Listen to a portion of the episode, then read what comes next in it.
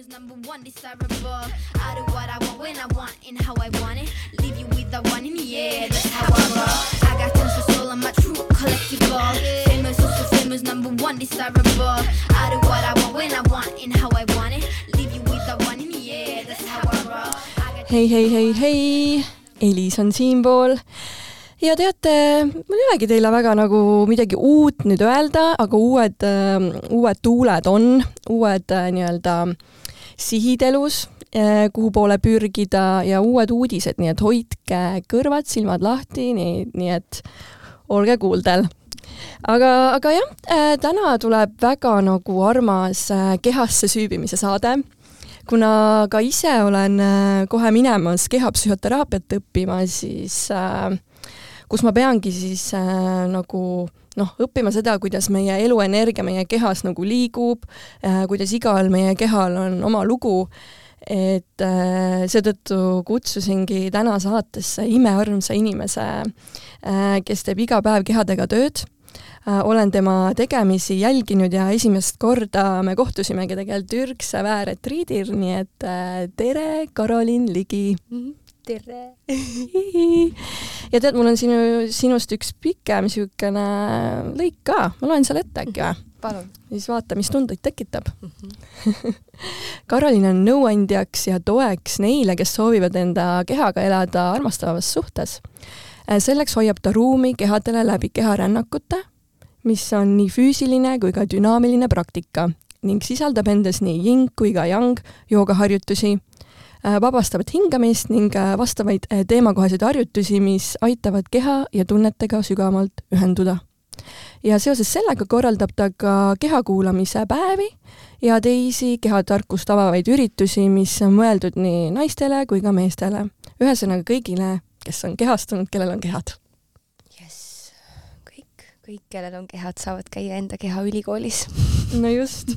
kas sa avad enda, enda ülikooli, kehaülikooli? tead, ma unistan sellest, ma mõtlen, et nagu üks asi, mida on koolis on kekatund onju ja inimeseõpetus. ja siis me elame terve elu selle kehaga ja tegelikult me väga ei tea, kuidas nagu seni tänases ühiskonnas me väga ei tea, kuidas temaga suhelda, kuidas ta meiega suhtleb. et see kõik on nagu äh, suhet kehaga nagu väga midagi ei ava, suhet maailmaga, ettevõtmistega, saavutamistega, see kõik. aga kuidas ma saaksin elada enda kehaga armastavamas suhtes, nii et kõik see valu, mis ajaga siia koguneb, liiguks ära. ma arvestaksin enda kehaga, et jah, et on tervislikud eluviisid ja asjad. ja, ja, ja kõik see, aga et mis see armastav, minu armastav selle keha vastu on, et, et ma väga, ma mõtlen sellele palju ja ma usaldan, kui see loob ära, siis see peab looma, aga et võiks küll olla nagu kehakool.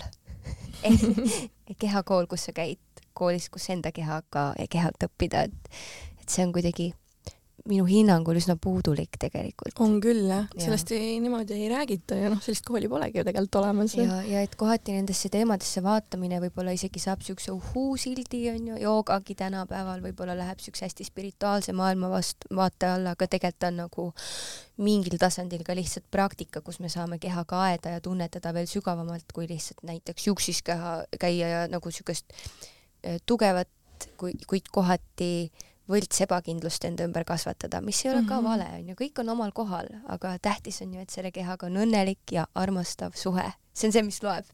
et mis asi on tervis, tervis on suhe sinu ja sinu keha vahel. jaa, nii nõus. oh, mul tuli siin mitu mõtet, aga, aga ühesõnaga ma tahtsin küsida seda, et sa teed ju tegelikult ise ka kehadest ja muust podcast'i, et äh, kuidas on siis ise olla nüüd külaline, külalise rollis, et äh, oled sa palju käinud niimoodi külaliseks kuskil? see vist on teine, kus ma olen külaline, ei ole palju käinud, Mm -hmm. Aga kui ma hakkan mõtlema, siis mul on nagu tunne, et ma kogu aeg räägin sellest teemast. jah, et, et äh, aga sa oled oma teema leidnud, see on äge noh. jaa. ja, ja olen nagu ka tegelikult kaua valmistanud ennast ette selleks ja lubanudki endale olla, et okei okay,, teenki rahu, et äkki ma ei teagi ja ja siis mingi hetk ma tundsin ära, et oi, et see tegelikult on hakanud ennast avama, et ma olen palju vaadanud ka mingitesse teistesse akendesse elus, a la nagu ma arvasin, et minust saab näitleja üldse ja töötanud nagu silmaklapid peas sinnapoole, tundmata ära, kus tegelikult tee viib. et mul on hea meel, et ma võtsin aega ja hetke, et ära tunda, mis see siis on, mis praegu minu jaoks nagu tahab avamist endale ja maailmale mm. -hmm. ma ise ei ole ka käinud veel kuskil, aga ma mõtlengi, et siis, kui aeg on küps, kui ma ise olen, tunnen, et olen küps, siis ma võtan need pakkumised vastu ja, ja on minek. saagu nii, siis Saagu. kui sa oma kehapsühhoteraapia koolis käid, siis kehadest ja muust podcast on täpselt see koht, kus seda juttu rääkida. okei, okei, okei aga kui sa mõtled nagu ajale tagasi, siis mis on sind elus üldse huvitanud läbi erinevate eluperioodide, et kas see on ainult see keha olnud või on seal mingid teised huvid veel olnud? suhted, terved ühendused ja just see, et kui suhtes, suhetes, ma tegelikult ju vaatan ka kehaga suhte tasandit, suhe iseendaga, see on see, kus ma praegu olen jõudnud. et äh, pole veel endast kaugemale jõudnud.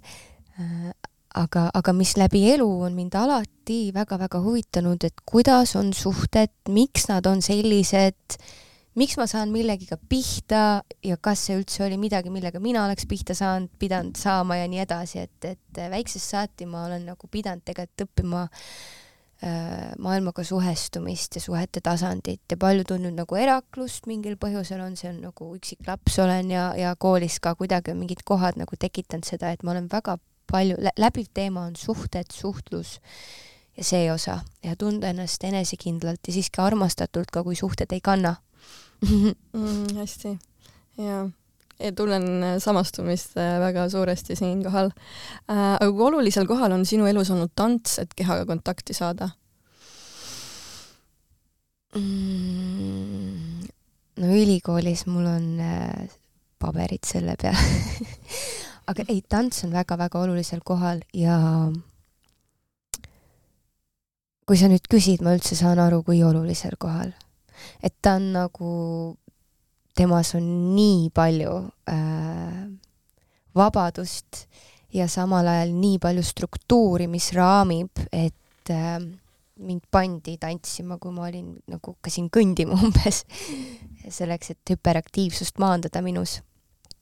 ja see on üks suuremaid kingitusi, mis on saadud nagu mulle anda, antud vanemate poolt ja kehaga tegelemine. Ja, ja tants on midagi, mille poole ma pöördun, et vaigistada meelt ma tunnen, et seal ma saan kontakti nagu mingite sügavate tasanditega endas, see on mul ligipääs enda kehale, enda tunnetele läbi tantsu. ma küll koreograafia osas ma ei ole valmis olnud peale ülikooli sinna üldse vaatama, ma tundsin, mul jooksis nagu juhe nii kokku selle kohas, peab midagi tegema, et ma tahtsin nagu, et midagi ei pea tegema, lihtsalt võib-olla. aga ma olen valmis juba vaikselt jälle vaatama ka nagu koreograafia poole otsa, aga pigem siukse vaba ja äh, performance'i ja nagu siukse, siukse tantsukunsti poole uuesti, mis nagu ähm, äratav tantsukunst, ma olen mõelnud, et sihuke asi võiks olla nagu teadlik tantsuteater, teater, aga no eks, eks jälle näis, kas see sünnib ja ma olen nagu väga mõelnud ka, et tahaks naistele pakkuda rohkem siukest tantsulist ruumi, kus nad saavad teada, kuidas tantsida enda kehalt ja turvaliselt seda kogeda et on ju ekstaatilised tantsud ja nii edasi, kus inimesed tegelikult eh, väga paljud käivad, aga paljud ikkagi ka nagu ei lähe, sest et aa, tants ei ole minu jaoks ja, ja see on ka tõde. aga et vaadata nagu sinna ja teha rohkem enda kehas tööd nende kohtadega, et mida tants paneb meid siis endas kogema, sest iga liigutus paneb meil ennast kogema mingi uue nurga alt. ja see on energia, mille me paneme liikuma läbi selle liigutuse onju. ja, ja just ja, ja, ja nagu ruumid, mida me endas nagu laiendame, et kui me istume, me oleme staatilised, me kogeme nagu füüsiliselt väga mingit ühte, ühte raami ja see tundub niisugune mugav, aga siis, kui sa hakkad liikuma, siis kõik su kehas hakkab liikuma ja, ja elavned ja päris palju võib tulla nähtavale nendest kohtadest, kuhu energia ei ole. Ei, me ei ole seda põhjusega viinud, et mitte seda kogeda ja, ja me ei ole teadnud, et kui me seda kogeme, noh, et, me ei ole osanud vaadata mingitesse kohtadesse. ja see on nii huvitav koht, ma arvan, et igas inimeses on tegelikult need kohad äh, mingil määral olemas, et, et nad saavad nagu katsetada, et äh, et kuhu nad ei ole läinud. ja, ja, ja. et äh, jaa, see on äh, vau, ma arvan, et mul on ka veel väga palju avastada, et mis energiat ma ei ole veel endas nagu kasutanud mm. et see on huvitav. ja mis ala, mis füüsilist ala näiteks, a la nagu mingi roietevaheline liikumine või et kui me kõõlustel laseme nagu yin-joogas niimoodi mõnusasti või sidekoel venida, et mis siis pinnale kerkib ja see on nagu, kui palju me oleme ühes asendis pehmelt kaks pool minutit, nii et me oleme teadvel ja sidekude hakkab alles siis on ju venima ja et mis me siis saame üldse kogeda, et et, et pakkuda enda kehale nagu kõiki erinevaid värve, me saame nii palju rohkem maailmast aimu ja teeme ruumi elusale kogemusele, kui meie keha on lahti ja, ja suudab tunda nagu palju. Noh, keha on nagu lahti ja liikumisvõimeline, siis meie elukogemus on palju värvilisem, see on see, mis ma öelda tahan aga oledki hariduse saanud ju keskkoolis teatriklassis ja ülikooli lõpetasid koreograafia erialal, et tänaseks oled kehanõustaja, et kuidas see siis juhtus täpsemalt? põnevuse rada läks sealt ja kui ma olin teatriklassis, siis äh, üldse see keskkooli aeg ma võitlesin nagu sügava-sügava depressiooniga äh,, toitumishäirega samal ajal äh,, et, et, et kõige selle kõrvalt mm, ma olen paralleelselt süvitsi kogu aeg pidanud tegelema sellega, et ma kohandan enda keha siia maailma. ja, ja et kuidas elada seda igapäevaelu nii, et mu kehal on hea ja harjumused on paigas ja harjumused on korras ehm,. ja see on siis see keskkooli aeg on ju, kus ma mõtlesin üldse, et ma lähen sinna teatriklassi ja siis see äh, ta, mul siht oli silme ees lavakasse minna. Viljandi ei tulnud kõne allagi, ainult lavakas ja kõik nagu mingi täistöö käis selle nimel, siis sai keskkool läbi. siis ma sain aru, et oo, vaba aasta on nagu, ma ei tahtnud midagi minna õppima. ja selle vaba aasta jooksul ma sain aru, et vau, et miks ma üldse seda kõike teen, kelle jaoks, kust mul need ambitsioonid tulevad, miks ma tahan näitlejaks saada? Ja kui ma käisin lavakakatsetel ka, just eile rääkisin ka seda kellegagi ja siis ma tundsin, kuidas seal lavakakatsetel mul mingi hetk enda sees oli nagu allaandmine. ma tundsin, ma ei, tead, isegi kui ma väga tahaks, ma isegi ei taha enam läbi teha seda väga karmi raamistikku, mida siis nagu siuksed akadeemilised õppekeskkonnad meile pakuvad lavakas on ju tegelikult täiesti hardcore nagu tahaks isegi öelda, et kaheksa päeva nädalas sa oled kellegi päralt, teed midagi, et sa, sinust saaks näitleja, mis on nagu noh, need, kes selle valivad, need on suurepärased ja väga pühendunud sellele, et seda saavadki need teha, kes väga tahavad. igastahes, eh, siis ma keha, ma tundsin, kuidas mul kadus lavaga katsetelist ära jõud, et ma enam ei pinguta, ma, kui ma siia saan, siis ma pean siia saama, aga ma nagu enam ei pinguta ekstra ja ülikooli koreograafia erialale ma sain täpselt nii, et nagu heas mõttes pingutamata sisse, et läksin nagu olin, mul elujõud hakkas tööle äh,, katsed olid ülitoredad. kuidas nad välja nägid täpsemalt mm.? no meid pandi seal erinevaid asju tegema nagu näiteks meil oli seal äh, grupi klassikatund, kus õpetaja tegi ees, me tegime järgi, žürii vaatas, siis me pidime seal kõik tegema erinevad kompositsioonid ehk siis minilavastused. et näidata, nagu see on nagu koreograaf lavastaja eriala, mis mulle hullult meeldis äh,, mulle väga, mul siiani tegelikult väga meeldib igast kompositsioone ja just nagu lavastusi ja sisuloomet teha ja panna see nagu lavapildis elama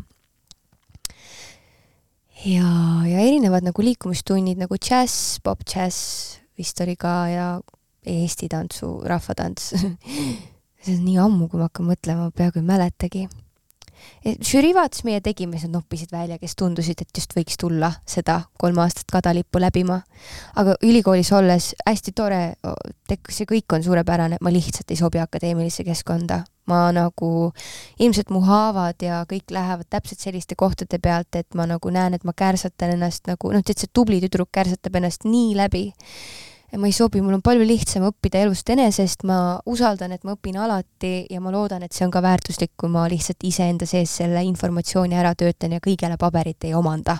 et ma nagu luban endale ka seda, et äh, mul on väga palju häid, häid tuttavaid ja sõpru, kellel ei ole pabereid ja kes on nagu prillikivid, et lasta ka vabaks sellest kohast, et alati, et keegi olla, sul ei pea kehtima mingi litsents. Info ja see, kas see töötab ja kas sa elad seda elu, mida sa nagu teistele räägid. et kehanõustamise osas ma nagu, see on ajaga välja tulnud, ma hakkasin mingi hetk äh, massaaže tegema mul on nagu alati hästi suur kutse olnud nagu toetada kätega. lihtsalt panna käed peale ja hingata koos ja, ja hoida seda turvas, turvalist sidet, sest keha hakkab siis juba ise nii palju endast vabastama, vabaks andma, lubama, laskma minna. ja mul on nagu äh, tunnen, et just see tunnetustasand siis on sünnist saati hästi lahti, on empaatia väga suur, et nagu kergelt tunnen kaasa kõigele, võib-olla näen sügavamalt ise valu, lihtsalt on, on kodune keskkond niisugune olnud, siis on maailma peale ka neid silmi olnud panna. ja siis koostöös nagu massaaži ja empaatiaga ma nagu ja enda kasvamistega olen nagu hakanud ennast ise kutsuma selle nõustajaks, et, et olengi nagu toeks kellelegi, kes tahab avastada seda äh, teekonda, mis on see suhe siis tema ja ta keha vahel, et kuidas siis päriselt olla armastavam, et toitumishäire ei ole midagi, mis peaks olema, keha, mis meile ei meeldi, tegelikult ei ole midagi, mis peaks olema, et me saame kõike lõpuni armastada, kõik saab toimida, aga kas me oleme valmis seda teed tegema läbi?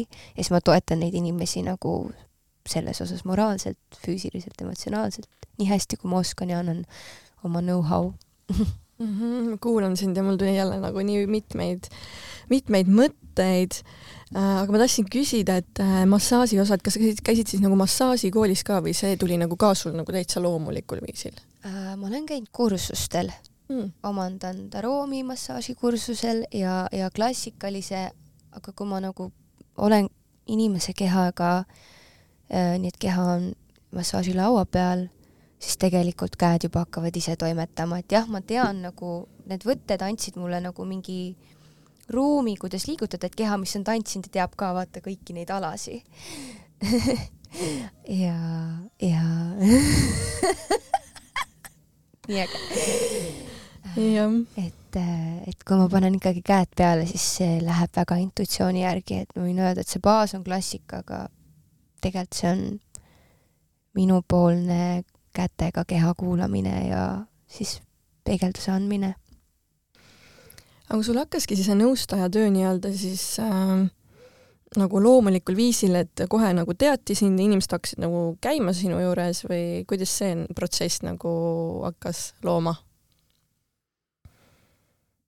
Äh,? no kaua aega on inimesed käinud mu juures massaažis ja selle kõige kõrvalt ma tegelikult andsin üldse joogatundi infrajooga stuudios, mis on kuuma ruumi jooga infrapunapaneelidega, ma andsin seal tunde seitse aastat ülikooli kõrval, et see kogu aeg sihuke, see maailm on alati olnud siukse praktilise maailma kõrval ka, siis ma saingi aru, et aga ma tahangi, et see ongi minu praktiline maailm, et nagu minna sinna sügavamale, et mitte, et ma käin palgatööl ja siis ma mingi umbes teen endaga mingeid asju, et ma tahan, et, et see kõik ongi üks. et äh, luuagi siis neid ruume, kus inimesed saavad tulla ennast kaema, hoida ruumi. Ja, ja mõelda välja neid tööriistu, et tulla massaaži juurde tagasi, su küsimuse juurde tagasi mm,. ei ole nagu väga mingi hei, tulge kõik minu juurde kohas olnud äh,. minu juurde on tulnud mingid inimesed, kes on tundnud vist ära, et nad on, et ma usaldan sind ja ma tahan sinuga nendesse kohtadesse vaadata. ja siis sealt on läinud see sõna levima ja, ja infrajoogas ka, et kuna ma seal nii kaua neid tunde andsin ja see on nagu olnud teine kodu mul pikalt-pikalt et siis sealt tulid ka mingid inimesed, kellega tekkis nagu äratundmine just selle osas, et nad austasid seda perspektiivi, kuidas mina kehasse suhtun. selle, selle läbi siis mm.. kaua sa nüüdseks oled muidu teinud seda äh,? millist neist siis nojah, mida sa üldse kõike teed, onju, kokku see kombo, et äh, jah, võib-olla siis äh, nagu keha nõustamistöö äh, nagu ja massaaži osa. massaaži või noh, see komp-, kombineeritud osa mm -hmm. siis mhm. nii-öelda mm. -hmm mul tekkis enesekindlus ennast nimetada selliselt selle aasta sügisel päriselt wow.. Äh, ma olen nagu kaua mõelnud, et nagu mis asi see on. et kaua see oli lihtsalt nii, et keegi käis massaažis, aga tegelikult me rääkisime veel sinna otsa poolteist tundi. ja mm, -hmm, ja, ja ja kuidagi tundsin, et, et see on midagi palju sügavamat ja kui ma nimetan seda sügavamalt, siis võib-olla inimesed tunnevad ära, just need, kes tahavad sügavamalt tegelema hakata oma asjadega, et et kui keegi tunneb, et ma kuulsin, et sa tead, tead massaaži, et tahaks juurde tulla, siis ma alati küsin, et kuule, et kui sa tahad lihtsalt tulla massaaži, et siis ma soovitan sulle ühte teist väga heade kätega inimest. aga kui sa tunned, sa tahad tulla nagu äh, enda kehale sügavamalt otsa vaatama, et siis äh, sa oled rohkem kui teretulnud leidsin nagu mingi siukse nurga, et, et selliste ettevõtmistega nagu massaaž, see ei ole nagu töö, aga ma justkui töötan, et siis on hästi tähtis austada enda energiat ja, ja et äh, nüüd ütlen siis selle kõvasti välja, et massaažitöö on alahinnatud üleüldse meie ühiskonnas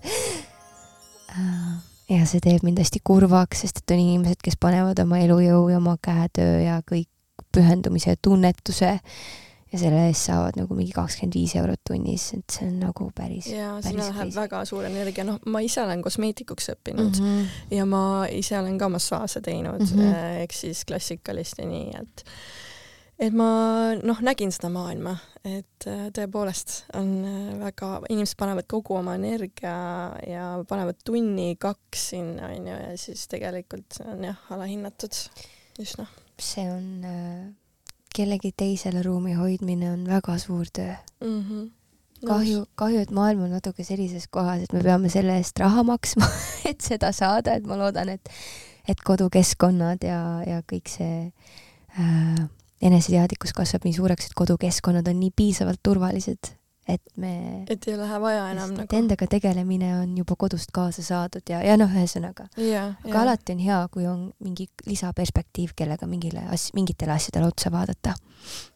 ja, ja saame ise ka olla nüüd äh, nagu selle nii-öelda loojateks on ju, et mm -hmm. oleks niisugune nii-öelda populatsioon tulemas et äh, kes oskavad iseendast, iseendasse vaadata, iseendaga tegeleda, ise enda keha kuulata, onju. et me saame selleks olla kaasloojad selle, selleks, selles suunas nii-öelda. ja, et täiega väärtustada seda ise, et see on väärtuslik ja et kui me seda teeme, see annab midagi ja täiega julgelt nagu noh, tunnen, et ma olen nii palju saanud silte, et nagu mine tee midagi nagu normaalset ükskord, aga tegelikult ma teen ju midagi põlvkondade heaks mm -hmm. kasvõi juba see, et need lapsed, kes tulevad läbi minu, nendel on see koht endas nagu tehtud, sest ma ei ütle mitte ühtegi halba asja oma vanemate kohta, aga näed, mina ei osanud seda, et pidin õppima oma keha pealt. ma olen alati saanud armastust, et oma keha ja asjadega ja pored probleemidega tegeleda, aga trauma ja valu tuli ikkagi kodunt, mis selle kõik tekitas. nõus jaa mm. -hmm. aga lähmegi siis keha intelligentsi, kehatüüpide juurde, et kui intelligentne siis on meie keha? mis sind nagu meie kehade puhul võib-olla kõige rohkem inspireerib, kuhu me oleme nii-öelda kehastunud sellesse kehasse hea küsimus äh,. keha on minu arust hästi elutark, hästi kogemustark ja keha on väga-väga päris, et ta on nagu midagi, et kui meie võime oma teadvustasandil vist või otsustada mingi, ah, ma ei näita välja oma kurbust, et siis kehaga ei jää mitte midagi varju. et äh, keha on minu jaoks loodus ja looduse tarkus on minu jaoks äh, vist tarkus, mida ma võib-olla kõige enam austan siin maal, olles naine planeedil Maa olles naine. et äh, ja, ja, ja ma imetlen eh, keha intelligentsi kohaneda muutustega, vaata, kus me oleme evolutsiooniga nagu kasvanud, arenenud. Äh, ühesõnaga, keha on ülitark. ma soovin, et me oskaksime rohkem selle tarkuse pealt võtta šnitti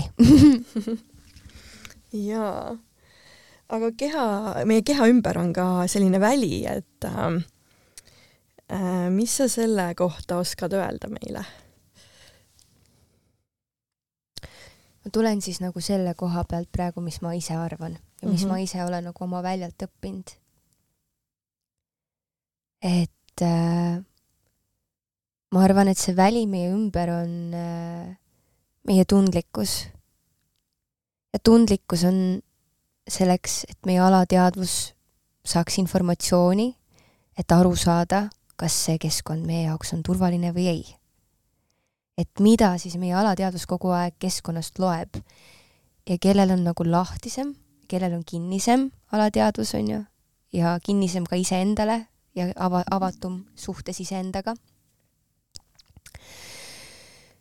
et äh, ma praegu nagu taandun selle väljaga alateadvuse peale kuidagi mis asi on alateadvus, mis asi on teadus, on ju, teadus on siis see, mis otsustab, mõtleb, paneb, teeb, saab informatsiooni, aga ta omab ainult mingit informatsiooni mingi mahuga, aga alateadvus omab informatsiooni, ma isegi tahaks öelda, et ta on kehateadvus eh, kogu meie elu lõikes. ja ta on eh, üks väga hea mm, terapeut ütles nii, et, eh, et kehateadvus on nagu, kui meie tavaline teadvus on nagu lauakalkulaator, siis kehateadvus on või alateadvus on nagu NASA arvuti. Et, et ta lihtsalt töötleb nii suure mahu informatsiooni nii kiiresti, nii palju äh, selleks, et meid, meid elus hoida, et meid kaitsta, et äh,, et tunda, et saada aru, kas siin on turvaline või ei. Üritan siin mingit muusikat panna. No, katsetan siin enda uut või noh, uut äh, salvestustehnikat vahepeal siin nii. Äh, aga ähm, hmm, jaa, see kõik mind väga kõnetas, ma mõtlen nüüd, mis ma tahan küsida siit, et äh, mm, ma mõtlen ka seda, et äh, nagu meie, et me kehast aru saaksime, et me kehaga üldse nagu sügavat kontakti saaksime luua, on vaja ka ju saada aru Äh, sellest, et kas meie meel, eks meie mõistus on kehaga ühenduses või mitte, et et, äh, et meil, meil alati tuleb ju signaal ja kas see jõuab meile ka nagu teadvusesse, on ju. et, äh, et, et me nagu, kuidas ma nüüd ütlen, et see signaal, mida meie keha teeb, et see, et me saame sellest nagu aru, vaata. et see tei-, mõnikord võib nagu, võime midagi kogeda enda kehas, aga see ei jõua nagu siia, vaata, nagu mõistusesse mm. -hmm said sa aru kuidagi, mis ma sain aru, aga see on huvitav, et et tihti mulle tundub nii, et et me oleme nii peas, et me ei tunne, et me kehaga kogeme. et see, ma olen märganud, et see on nii, et, et kui me oleme peas, on ju hästi hea küsimus võib-olla kuulajale ka, et kuidas praegu on, et kas sinu pea on sinu kehaosa või keha on peaosa, on ju? Mm. et, et see ütleb kõik ja praegu ma olen märganud et, et seitsekümmend protsenti ruumist hakkab täiega naerma, sellepärast et minul endal tuleb ka, kui ma ikkagi korraldan, möllan, teen, otsustan, kirjutan, noh, ratsionaliseerin, siis juhtub, et kogu kehas olev energia liigub pähe, sest kõik impulsid tulevad peast. aga tegelikult on ju meie pea keha osa. ta on lihtsalt midagi, mis peaks tegema valikuid, et see, see süsteem siin saaks rahulikult elada selles keskkonnas ja planeedil Maa. et äh, kutsuda energiat peast ära ja tihti me sellepärast kehas asju ei tunnegi, et, äh, et me oleme energiaga liiga tähelepanu mujal. siis võiks lihtsalt panna käe südamele ja lihtsalt hingata peast kehasse, et see kehakaart, mis sa ütlesid ka, et luban mõtetel vajuda kehasse ja vahest me ei tunne oma kehas asju, sest et äh, mõtted, mida me mõtleme, teevad meile haiget või keskkond teeb meile haiget, aga me ei taha seda endale tunnistada, siis meie keha lihtsalt nagu lülitab selle valu meie jaoks välja vaata, kui tark ta on mm. -hmm. keha töötab alati meie kasuks. ta on meie suhtes heatahtlik, onju, kui keegi, mu keha ei tee minuga koostööd, miks ta peab nii paks olema, siis noh, et, et aga mis seal tegelikult on, keha ilmselt kaitseb sind millegi eest, miks äh,, noh, see läheb nagu nii palju sügavamale. Tuleb läbi minna nendest asjadest, onju isegi mitte läbi minna, vaid vastu võtta, mis on see tegelik põhjus, et su keha on selline, et nagu miks siis on kõhu peal see rasvake või käed, kätel need nagu noh, käelotid, ma ise tegin sellega tükk aega tööd, ma vaatasin nagu mulle üldse see piirkond endas ei meeldi. Ja otsustasin, et hea küll, et ma hakkan õppima armastama seda, et ma iga päev vaatan peegli ees mitte selle pilguga, oh, jälle, jälle see on see, vaid aga mis siis saab, kui ma hakkan seda ühel hetkel täiega armastama ja ma tahan uskuda, et see on võimalik. ja siis vaatasin, mis teemad elus üldse nagu avanesid, et käed on ka südame pikendus, et kui palju ma tegelikult ei lasknud enda südameenergiat endast läbi, ei lubanud endal olla nii südames ja autentne, kartsin olla kogu aeg oma haavatavuses ära tõugatud, et mis protsess siit avaldus, kui ma hakkasin oma käsi füüsiliselt nagu aktsepteerima. Ja nüüd ma vaatan oma käsi, et nagu vau et siin on isegi täitsa lihased ja et, et, et see keha on nii suur peegel meile, et kui kuskil on midagi, mis meile meeldis, ilmselt seal on energia kinni ja mm., ja mingi mm. protsess, mis tahab olla nähtud. keha peegeldab meile siukseid sisemisi kasvamisi väga palju. jaa, sa praegu panid, panid mõtlema mind jah, mingite mm -hmm. kohtade pealt. üldiselt ma olen, üldiselt ma olen olnud oma kehaga alati nagu rahul, mul ei ole nagu väga mingeid äh, suuri äh, selliseid komistusi olnud, aga võib-olla nüüd, kui sa ütled, siis ma hakkan mõtlema, et kus see võib veel kinni olla ja, ja, ja, ja okei okay. et kõike armastada, et tegelikult on ju õnnelik keha, kes on täiesti vastu võetud, nagu õnnelikud meie, et oma suhetes, kui me oleme täiesti aktsepteeritud sellistena, nagu me oleme, siis keha suhtes meiega on ka kõige õnnelikum siis. kas sa ütled iga päev enda kehale ka mingeid sõnumeid? Vastavalt protsessile praegu ma ütlen oma kehale niisugust asja, et äh, täiesti okei okay on olla stressivaba. täiesti okei okay on olla stressivaba lihtsalt ma tunnen, see toetab mind, sest mul kipub üles tulema päris tihti võitle-põgene mingitel erinevatel põhjustel, millega on seotud ambitsioonid aga kuidas sina veel oma kehaga sügavat kontakti nagu lood ja hoiad? Võttes aega tema tunnetamisele, et mul ongi nüüd aeg sellele, et ma kõigepealt tunnetan teda, mis ta vajab, et märkan ka seda ja olen seda ise ka palju teinud, et kehaga tegelemine, ma käin trennis, kehaga tegelemine, ma ju teen seda, ignoreerimata, kas see vastab tegelikult, äh, ignoreerides seda, kas see vastab tegelikult praegusele vajadusele kehaga. et kui ma kõigepealt, ma tunnen number üks kehaga tegelemise koht on võtta see aeg, et aru saada, mida ta vajab ja siis vaikselt hakata tema vajadusi integreerima enda ellu. see võib olla palju pikem protsess kui see, et ma nüüd hakkan iga päev trennis käima, et saada see vorm, aga noh, tegelikult on keha, kõik kehad on tegelikult vormis, me oleme tegelikult ideaalsed, me lihtsalt peame läbi töötlema selle, tuleb niisugune sõna nagu pask mis on ajaga kogunenud siia ühendusse, see valu on ju, need valed valikud või siis see kohad, mis me hirmust teeme, tuleb panna nagu kõik armastuse kohale ja, ja jah, et vastus su küsimusele on siis see, et äh, number üks asi, mida ma teen, ma vaatan, mis ma vajan. ja lähtuvalt sellest siis tegelen, vahest see on lihtsalt nagu viis minutit venitamist, vahest see on kaks tundi täielikku aelemist, vahest see on lähen jõusaali, vahest see on jooksen, vastavalt vajadusele, mis tundub õige. aga kas sa oled näinud või noh, tähendab, tunnetanud seda erinevust ka, et äh, kui sa oled sügavas kontaktis oma kehaga ja siis, kui sa ei ole, et kas sa oskad seda tunnet natukene kirjeldada, nende kahe inimese, nagu kahe inimese, kahe nagu seisundi tunnet võib-olla mm? -hmm. aitäh, et sa küsid seda. sellepärast, et see praegu, ma saan aru, et ma, ma seletan enda jaoks lahti midagi, mis on tekitanud minus endas toitumishäiret või üldse viha keha vastu äh, kui ma ei ole enda kehaga kontaktis, ma tunnen, ta on raske. ma ei imetle teda äh,. mul hak-, ma hakkan nägema tonti kohtades, kus ei ole, äkki ta ikkagi on paks, äkki ta ikkagi on see, teine, kolmas. äkki ta on haige, miks ta selline on? see asi ei sobi mulle.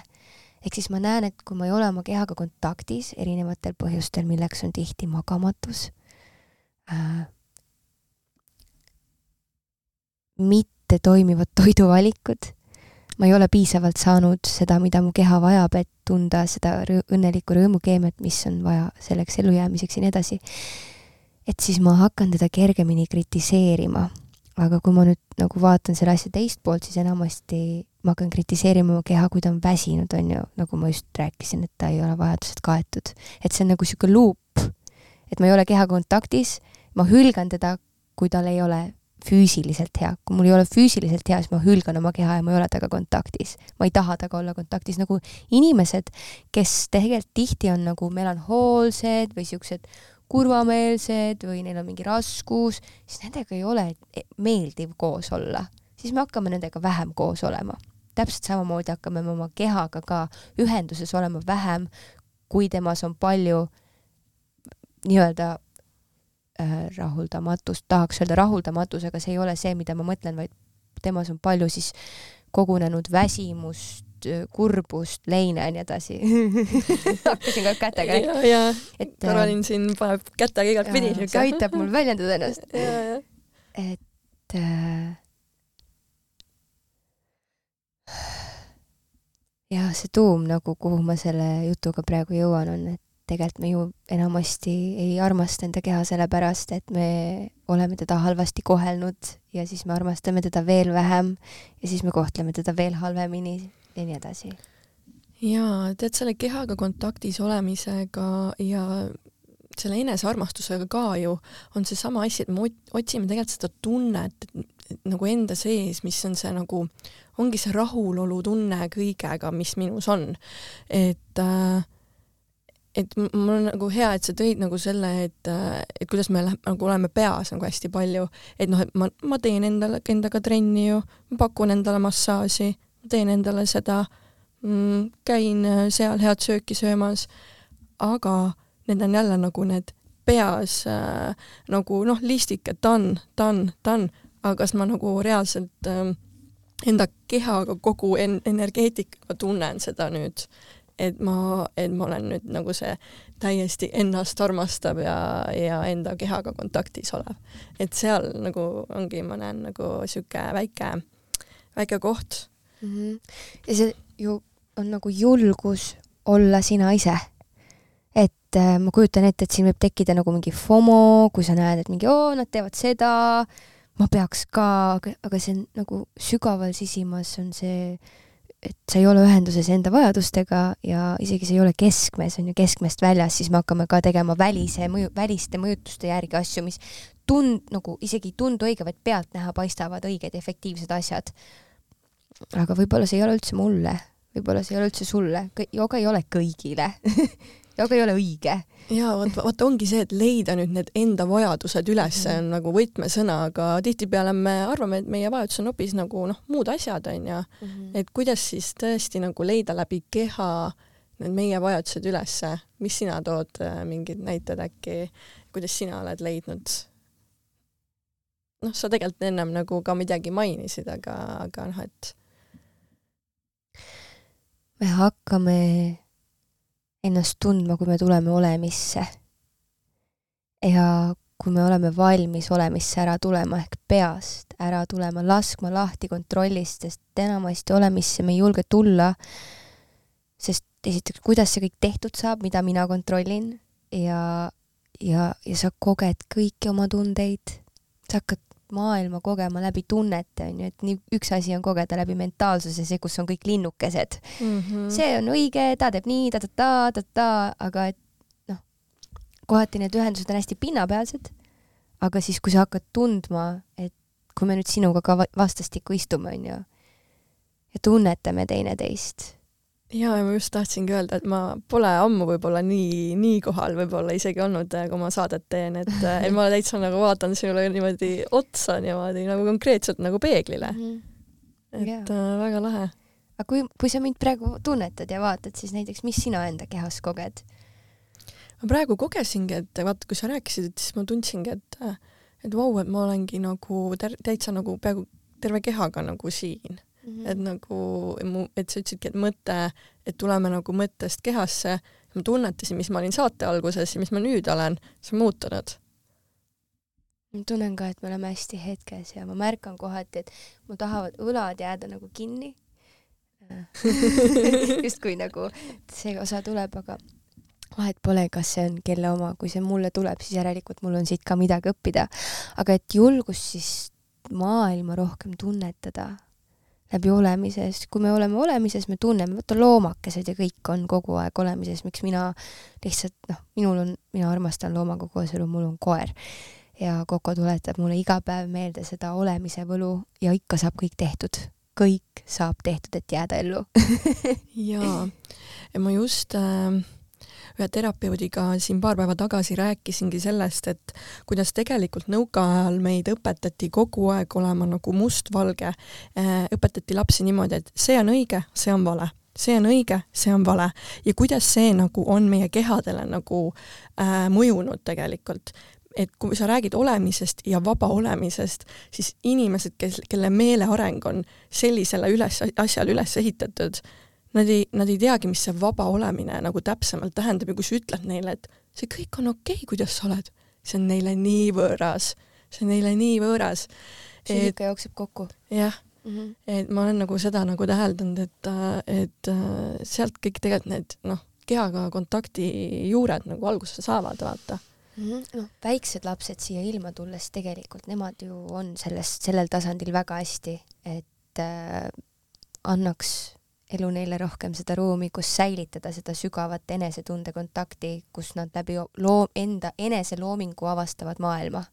täpselt nii, nagu neil on hea ja vaja, et mida ju ma arvan, et üks emme-issi ühele lapsele peaksid tagama lihtsalt see, et ta turvaliselt suureks kasvab, aga et mitte, et kuidas oleks õige või vale tal käia tema enda teed, sest et kõik hingekesed, no see on nüüd siis minu perspektiiv onju, kõik hingekesed on tulnud siia maailma oma, oma suurt kingitust avastama ja avama teistelegi, et täpselt nii palju kui on kehas ja on võimalusi siin maal elada ja igaühe enda keha on võti tema enda maailma väga ilusti öeldud. Äh, kas sulle meeldib naise kehas olla kehastunud? hullult õpin äh,. Äh, väga retsilt õpin seda e,, no mulle väga meeldib, mulle väga meeldib tahaks öelda siukse koha, et see maailm on pigem mehelik ja mul on naise kehas olla raske nii on ja, jah. ja, ja mul on väga palju siukest ära tegevat meesenergiat, et ma võtan ette ja ma teen ära. ja ma tihti unustan ära oma naise keha vajadused, mis tähendab olla veel aeglasem, veel rohkem olemises, sest et ma, ma olen hakanud avastama naise keha nagu kingitusi üldse. naine on naudinguline, naudinguline naine üldse on iseenda jaoks väärtuslik. see on midagi uut minu jaoks ja ma õpin samamoodi seda. ja äh, ma väga, ma väga armastan olla naine, see on, see on, siin on nii palju ilu ja ja ma saan olla pikad juuksed ja ma saan kleite kanda ja see on nagu väga tore. seal on väga palju peidus jah, et sihuke salapära, et äh, ise ka ei tea, et mis sealt seest võib veel välja tulla, vaata, et avastad. ja kõik need emotsioonid ja see tundetasand on mul, noh, kõikidel naistel on ju hästi sügav ja siis see emakas suur, suur müsteerium emakas, mis on nagu igalühel veel täielik enda portaal, kust tulevad meie esiemade liinid, kus me teeme tööd enda mehega, sest et kõik, mis meie emakat puudutab, sinna jääb siis puhastumisele see informatsioon, mis peab minema puhastusse, et see, see emakas on midagi, mida, mis hakkab mul ennast nagu vaikselt avama, organ emakas, et see on nagu, sealt tulevad inimesed täitsa crazy onju. jah, tuleb elu nagu. et see ongi portaal ja äh, mulle tundub, et ühiskonnas on talle vähe ruumi ja ta on nagu väheväärtustatud. ma soovin, et äh, mul on tunne, et mul läheb siit mingi tee, et tõsta rohkem pilti selle organi tähtsus igal tasandil, füüsiliselt, emotsionaalselt, energeetiliselt ja nii edasi, nii edasi, nii edasi täiesti nõus ja ise lähengi kusjuures maikuus siis äh, õppima naine, tunne oma keha mm, -hmm. naudinguline naine Epp Kärsini koolitusele, et vaatame, mis seal siis, äh, mis ma teada saan, ma arvan, ma saan väga palju uusi teadmisi iseenda keha kohta nagu. et ja, ja mis ma tahtsin tegelikult küsida, et kui sa oled nüüd aastaid äh, võib-olla noh, erinevaid mehi ja naisi nagu nõustanud, et kas sa oled märganud mingit äh, huvitavaid nüansse naise ja meha, mehe äh, kehade puhul, et äh, et kõik me noh, muidugi teame, et noh, suguelundid on erinevad ja paljud muud hormonaalsed osad veel, aga kas sa oled mingeid nüansse nende kehade puhul nagu märganud.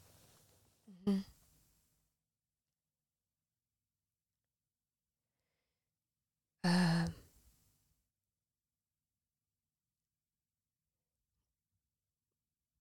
nagu tahaks öelda, et olen kui ma sinna vaatan, siis praegu ma näen hoopis niimoodi, et on naisi, kes on rohkem oma mehelikkusega ühenduses ja on mehi, kes on rohkem enda naiselikkusega ühenduses. et keha on ikkagi keha. naised avanevad minu arust kiiremini. mul on nagu jäänud niisugune tunne, et kui tul-, mis puudutab emotsioonidega kontakti tulemist, et kui võtta näiteks, et me kohtume kellegiga kaheksa korda või kellegiga neli korda, et siis naised on nelja korra peal juba täitsa lahti, aga mõni mees avab alles kaheksanda koha peal, korra peal ennast, aga aga see ei ole minu arust otseselt seotud nii väga kehaga, vaid sellega, mis keskkonnas on keegi pidanud kasvama, on ju, seda ühiskond ka, et meestel ei ole praegu nii turvaline veel olla emotsionaalne, et mina isegi jooksen kokku, kui suur mees minu kõrval nutma hakkab, sest et mul läheb turvatunne ära, vaata et mi-, miks, mida sina nutad, ma tahan olla haavatav praegu. et äh, noh, ja samal ajal saada aru, et ta lihtsalt kogeb enda kogemust. et ja hoida siis seda turvalist ruumi sellele maailmale, et äh, aga kohati mulle tundub, et mehed on füüsiliselt hästi-hästi tundlikud, veel tundlikumad kui meie, sest nad on sõdalased ja nad peavad olemagi väga lahtise siukse nagu instinktiga mm.. et kui mm. naine on siukene intuitiivselt tundlik ja võtab informatsiooni nagu kõikidelt erinevatelt tasanditelt ja eelmistest eludest ja siit ja sealt ja ülevalt ja pealt, siis mees on nagu keskkonna suhtes hästi tundlik, väga palju rohkem. et, et see on ka, ma arvan, et nagu evolutsiooniliselt, sest et mees käis jahil ja tal pidigi olema kehataju väga nagu selge, et ellu jääda, see mammut sealt koju tuua, vaata. Jaa, et äh, mul oli vahepeal kusjuures seda natuke raske vastu võtta, et mehed on tundlikumad, aga nii, mida aeg edasi, seda rohkem ma olen aru saanud jah, et on nii. ja kui suur kingitus see on naisele, kui tulla selle naise keha juurde on ju, kui on tundlik ja energeetiliselt avatud mees, siis ta hoiab ilusat ruumi naisele avanemiseks. seal on mm -hmm. turvaline ava-, avaneda kõikidel enda tasanditel. jah, nõus. ma olen kuulnud ka ühte asja, et äh, et erinevad äh, kehatüübid suudavad hoida endas erinevaid, äh, erinevas koguses nii-öelda emotsioone, et mõnel kehal äh, toimub vabanemine kergemalt, mõnel, kes suudabki nagu, mõnel, kes suudabki nagu palju kannatada ja, ja on niisugune nagu jõulisema kehaga, suudab kauem sellega nagu elada, et mis sina sellest arvad?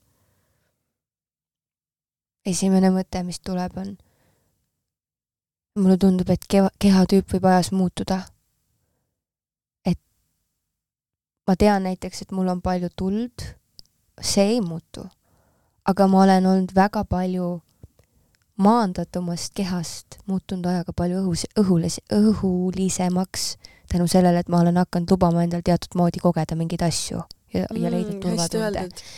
sest ma ise tean ka, et mina olen hästi maandatud kehaga nagu mm, -hmm. et ma olen hästi nagu maandatuses, aga ma just tahaks ka just seda õhulisemat natuke kogema hakata. ja et me saame ju minna len-, lendlema, kui meil on maandusega ühendus, et, et tegelikult mul vastupidi just ei olnud enne maand-, maandusega ühendust ja siis keha justkui oli maandatud, aga mul tekkis maandusega nagu emotsionaalsel tasandil sügavam kontakt, turvatunne jäi minu sisse, et ma ei otsinud turvatunnet enam väljapoolt, kaaslaselt, tegemistelt ja nii edasi, et turvatunne on hetkes minu enda sees, ühenduses endaga ja siis keha tegi nagu oma korrektuurid peale seda ma arvan, et mul kadus, kukkus lihtsalt küljest ära kuus kilo niuke kolks noh, mingi mhm. pa, mitme kuu lõikes, aga et ma näen, et kuidas keha ja emotsioonid on hästi palju seotud ja see, kus on rohkem mingit rask-, raskemalisust, et et jah, et see on tihti sellest, et, et nagu seal ei ole maandust jaa, miks ma seda küsin, ongi see, et äh, mul oligi ühe terapeudiga nii, et, äh, et noh, et minu, mina olen niisuguse nagu suurema kondiga ja ja nagu niisuguse jõulisema kehaga, onju, ja ma suudangi nagu nii-öelda kannatada veidi rohkem.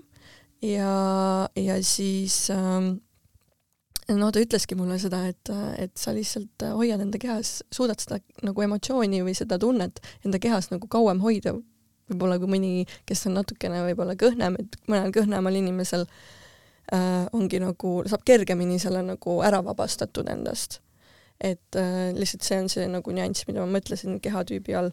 ja samal ajal nagu toon siia ühe perspektiivi onju, et kust see lugu sulle tuleb, et sa oled tugeva kondiga ja et sa suudad onju, ilmselt sul on üldse naisliinis ongi see tugevate naiste värk, et te kannate kõik välja mm, -hmm. noh juba kui hakata seda vaatama niimoodi, et kui sul on okei okay,, et ma toon selle lihtsalt sisse, võib-olla kuulaja tunneb ka ära, et et äh, okay.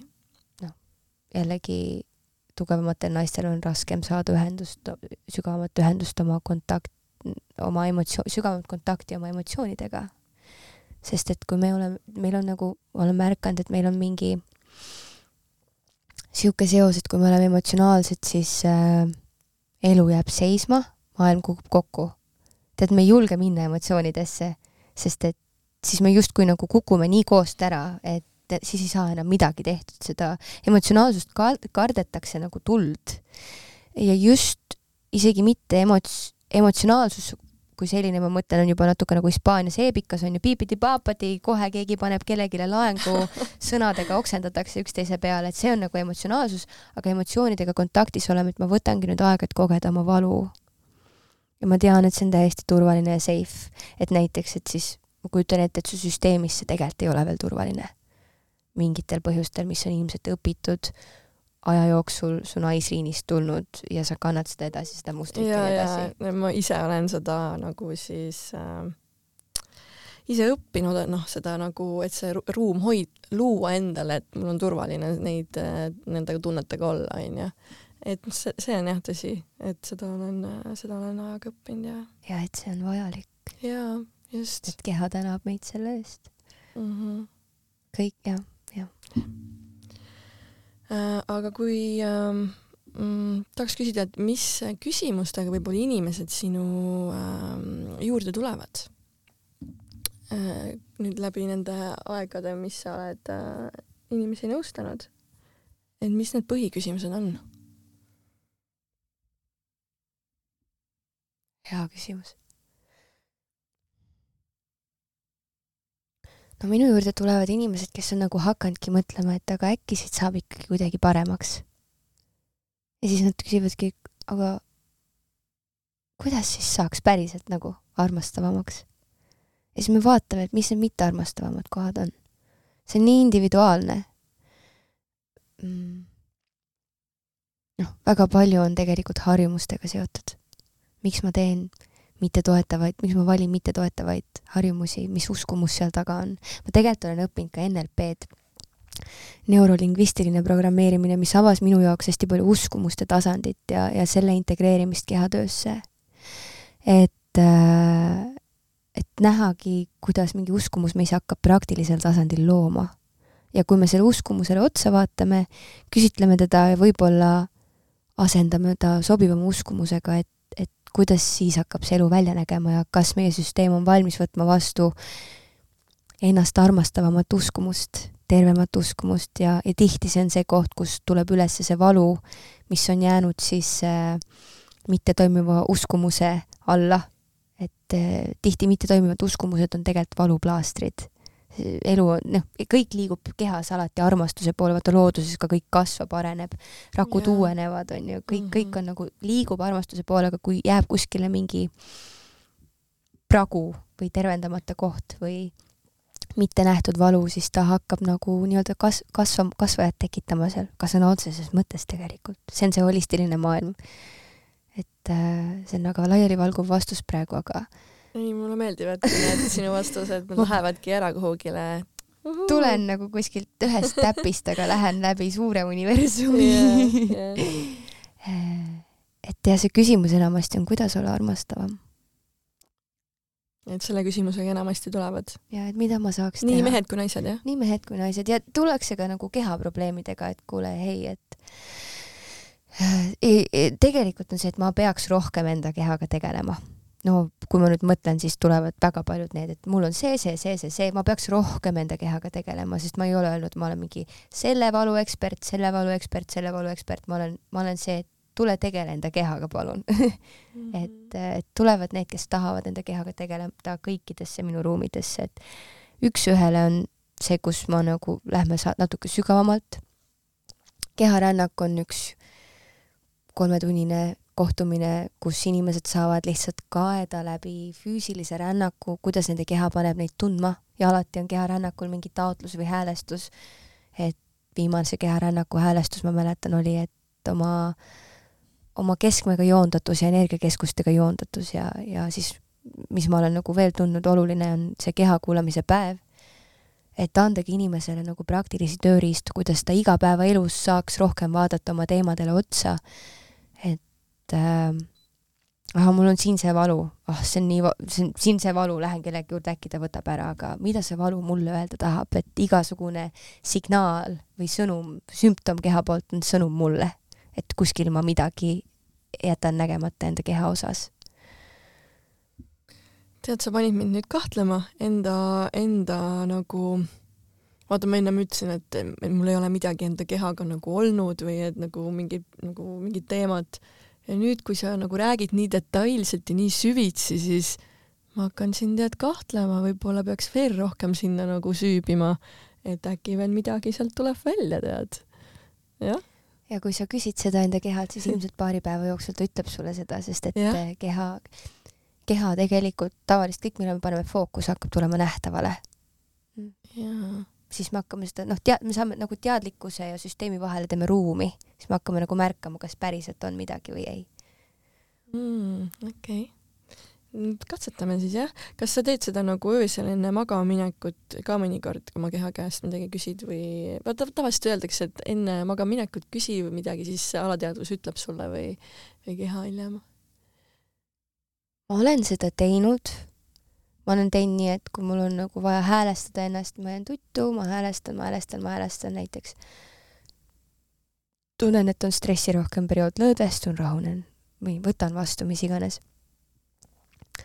aga nagu just seda konkreetset, mis sa just küsid, ma teen igal hetkel, võtan hetke ja lihtsalt kas panen käed enda peale ja olen nagu, et ma olen nüüd kohal sellega ja ma tegelikult tõesti tahan, et siia tekib nagu nüüd mingi muutus, areng, liikumine.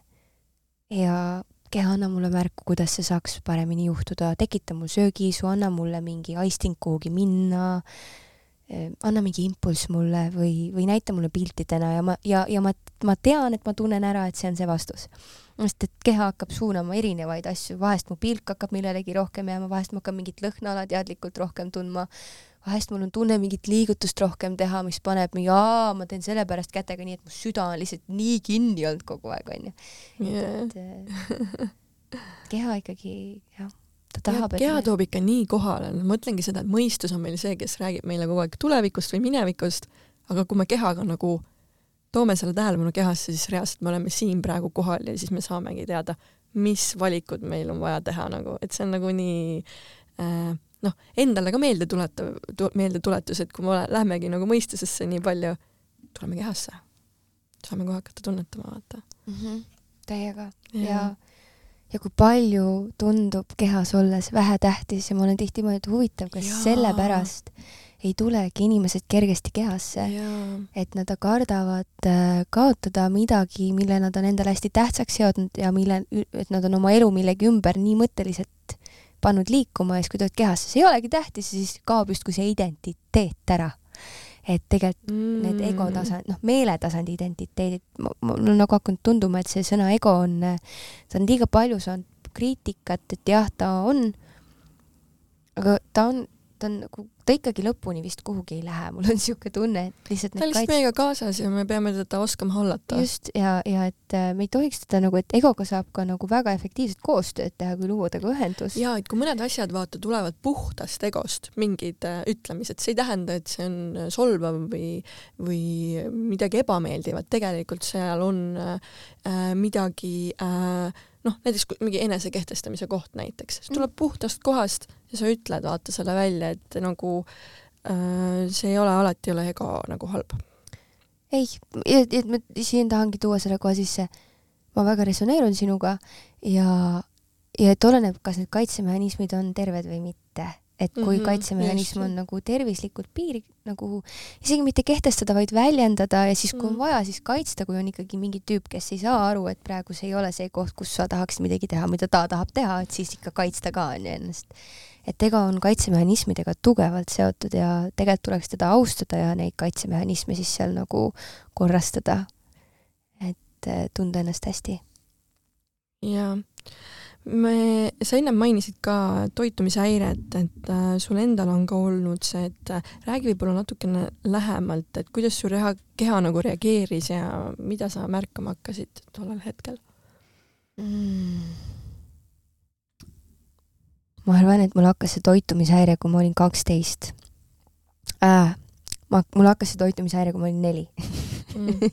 siis see muster tuli mm. -hmm. vanemad läksid lahku seal oli nii palju asju koos. esiteks see, et kui ma sõin, ma olin tubli, palju oli tegemist, keegi ei, mitte ei olnud seda, et keegi mind ei armasta, mind armastatakse palju. palju oli tegemist teistel endaga. kui ma sõin, ma olin tubli. ja ma sain armastust ja söögitun-, söömise tunne tekitas minus ka hea enesetunde. tundsin ennast ilmselt natukene üksinda. minu armastuse keel on tugevalt füüsiline lähedus ja, ja üksik, üksiku lapsena ma kuidagi, see jäi, seda jäi mul vist ikkagi väga puudu, eriti see nagu lahkumineku valu. ja mind pandi iluvõimlemistrenni äh, kus ma hakkasin hästi palju kriitikat saama selle kohta, et ma olen pehmem laps, mul olid superhead tulemused. aga see tolle aja iluvõimlemistrenn oli siuke, et sind ikkagi hüppenööriga löödi vastu peput või, või noh, et nagu see on ikkagi nagu füüsiline vägivald. ja, ja siis sealt edasi, edasi, edasi, edasi on ju kõik see, see peegeldas seda, et see, see keha, seda ei ole turvaline armastada sellisena, nagu ta on, isegi kui sa väga-väga pingutad, alati võib olla midagi valesti ta tekitas nii meeletu stressi ja ainuke viis saada sellest stressist kuidagi ah, kus ma ei tunne stressi, on süüa ja kui ma sõin palju, siis ma ei tundnud valu. ma tundsin täidetavust, ma lihtsalt tundsin täiskõhutunnet, onju, sõin selle tunde alla.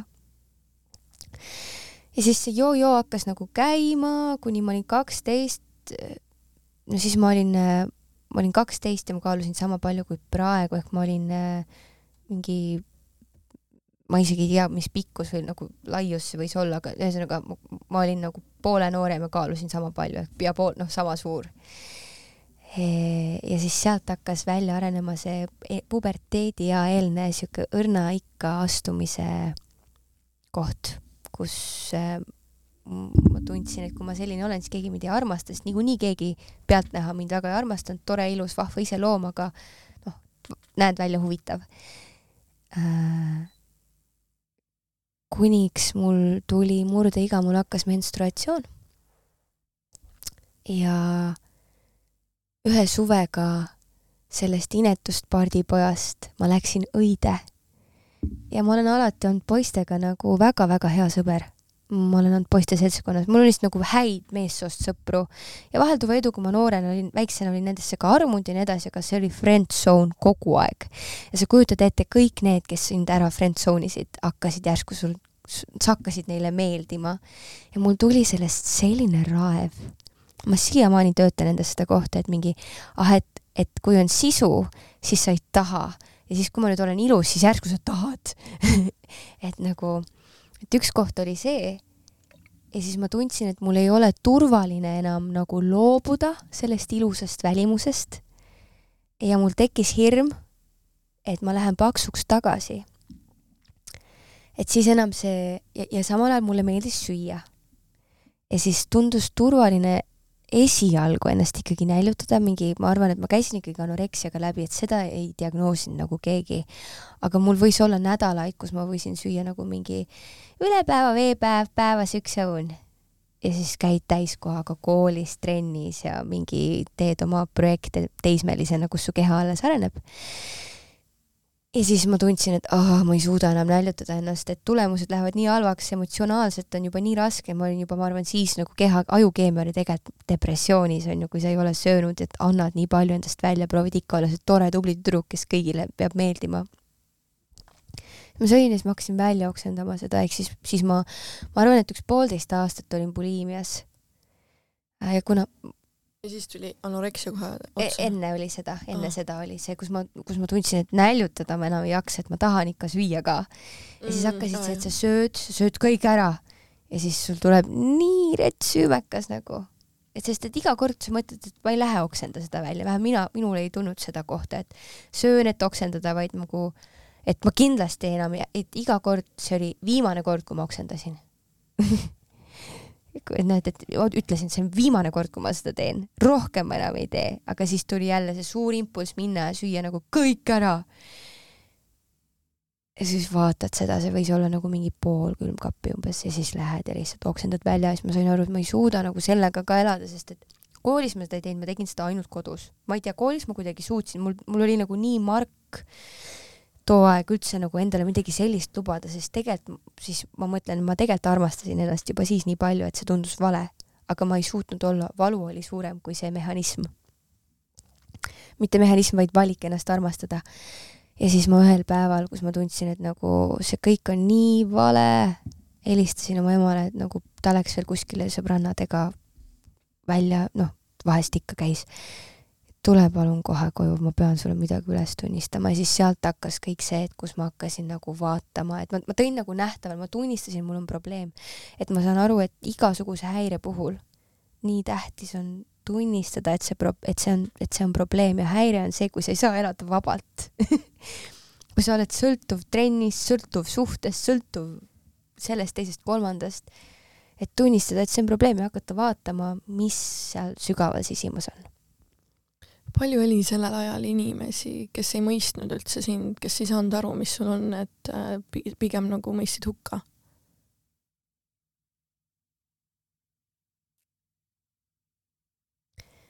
ma arvan, et on lähedasi kes, äh, kui ma panin siis eelmise aasta detsembris oma podcast'i esimese osa välja, kus ma rääkisin täpselt sellesama loo ära mm. -hmm, kuulasingi natukese. ja siis äh, noh, ütleme, et on nagu väga lähedalt inimesi nagu väga lähedalt inimesi, kes ah, ära, ära hakkavad, ära pläma.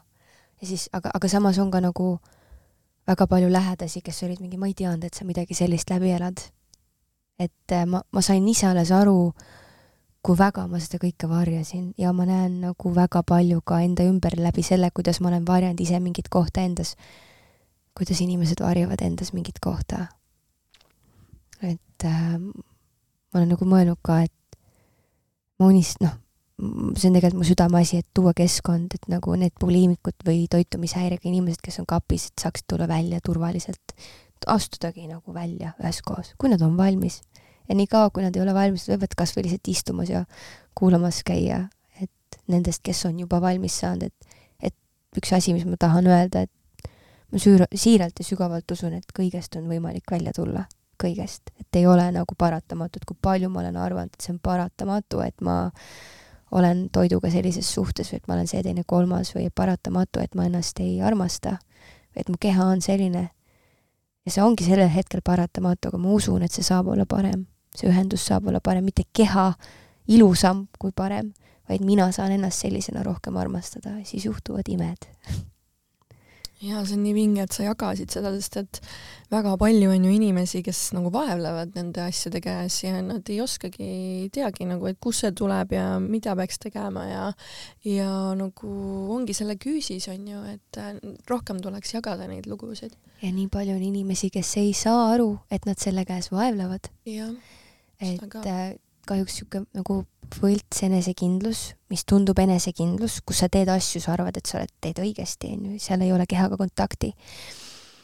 et seal sees on päris suured luukered. Äh, me teeme trenni tegelikult olles täiesti ülekoormatud, äh, noh, sealt se, se, selle mustri alt tehakse. ja ma näen ka päris palju tegelikult nagu buliimia ei ole ainult see, et sa sööd ja oksendad, on ju, see on see, et sa lähed sööd ja teed trenni ropult, et see kõik vabastada endast. Ja ma näen päris palju meestel seda mustrit tegelikult mm.. et kui palju on üleüldse niisugust eba, eba mm,, ebatervislikku valikut, millest me ei ole teadlikud, et me teeme, et see, me ei julge sinna isegi vaadata, sest et kui me hakkame sinna vaatama, siis tundub, et me ikkagi läheme paksuks, koledaks või me oleme ebaväärt-, väärtuslikud, on ju.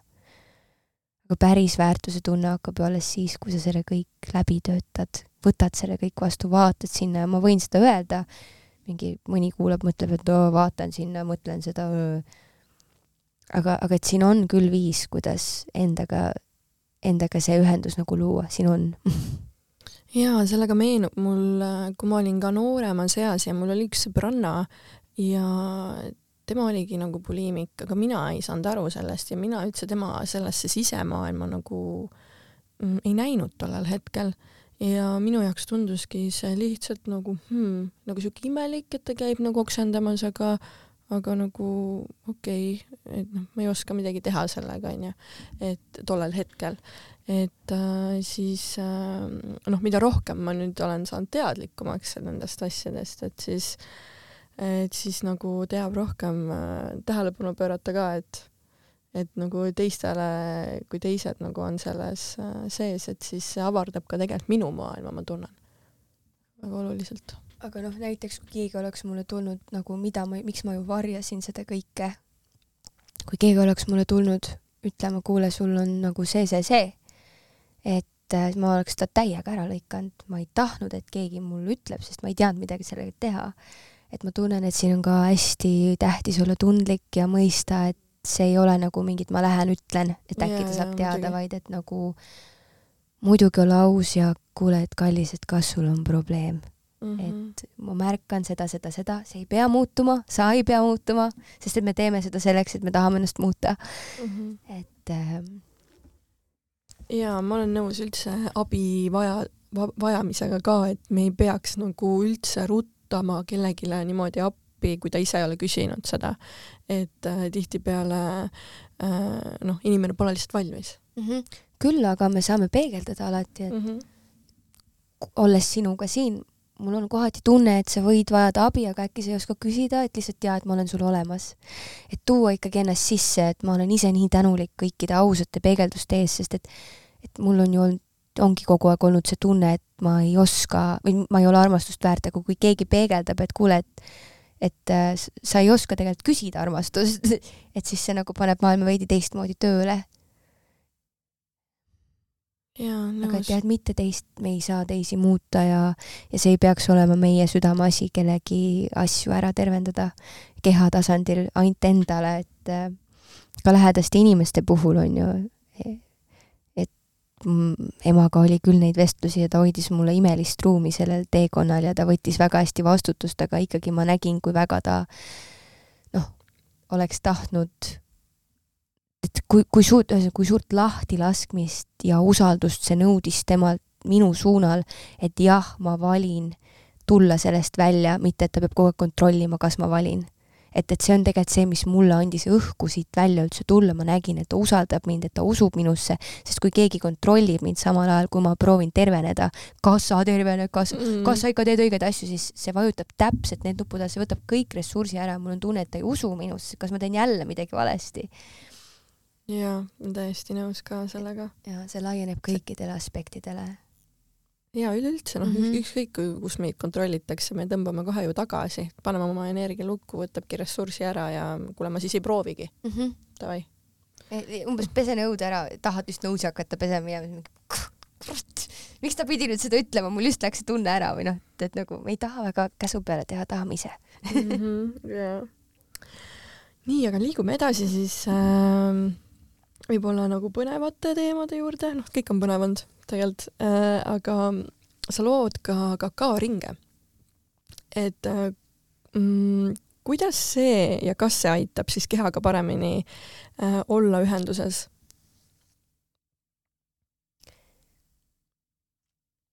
ma tunnen, et mul on kakaoga ühendus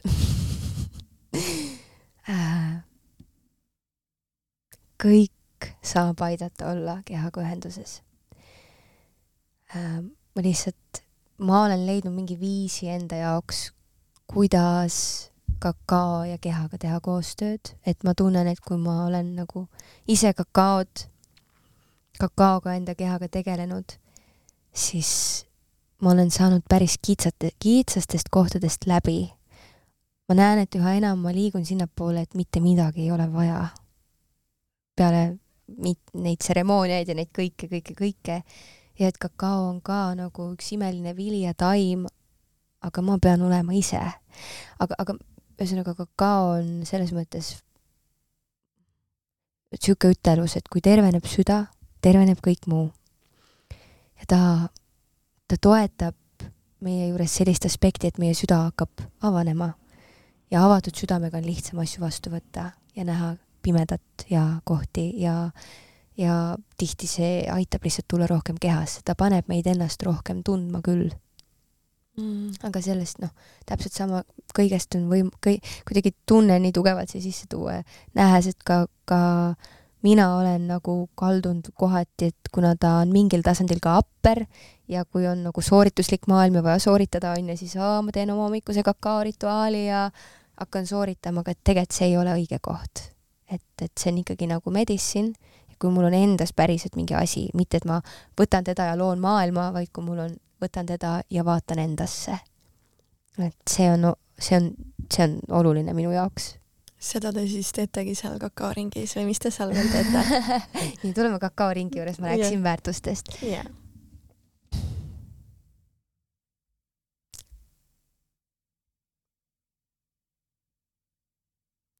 Kakao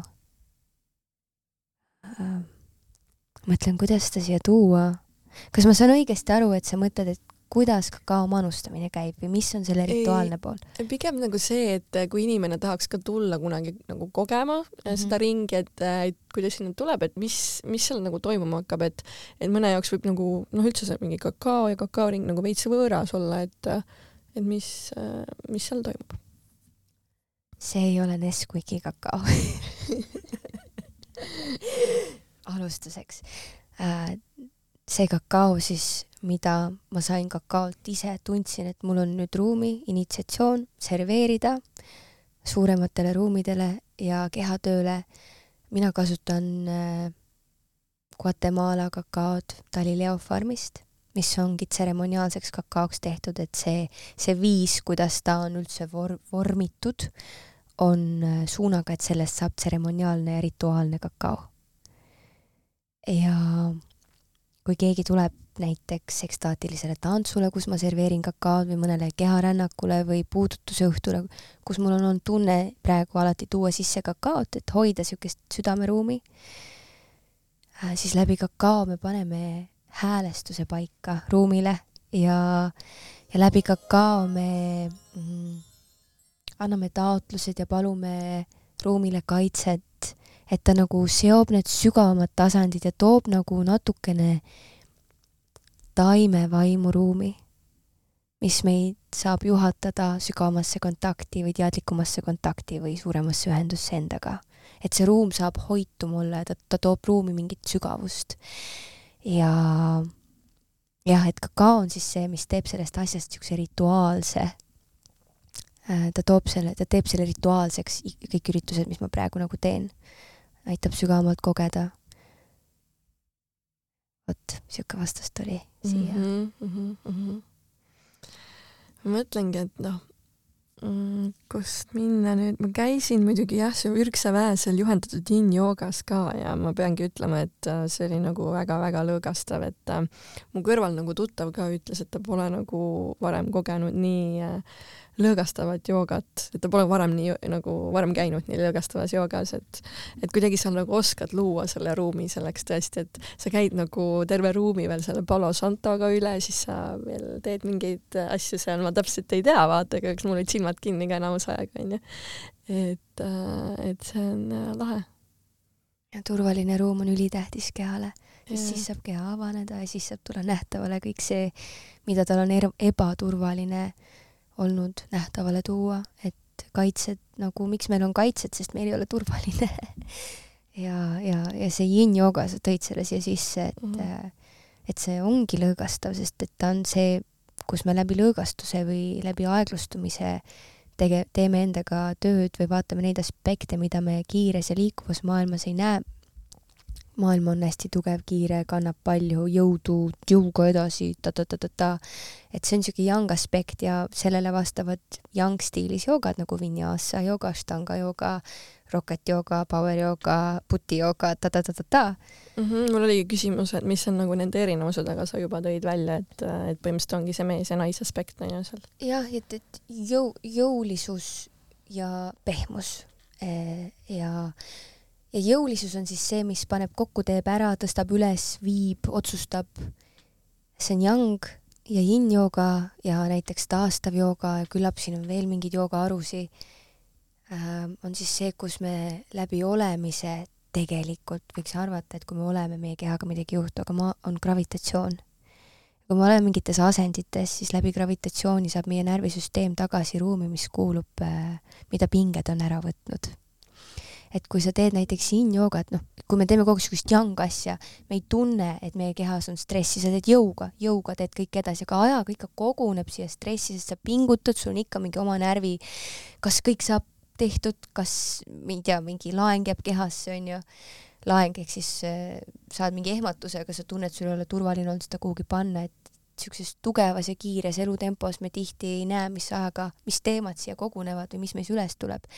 ja siis niisuguses aeglustavas, olevas mm, yin-jooga tegelikult on väga sügav äh, töö meie kudede luustiku sidekoega onju, kudede, koest, koestiku ja luustikuga, ta on mm -hmm. nagu mhm. nii-öelda breketid breketite töö, et hästi aeglaselt hakatakse sügavaid kudesi ja jäikasi kudesi mõjutama pika peale.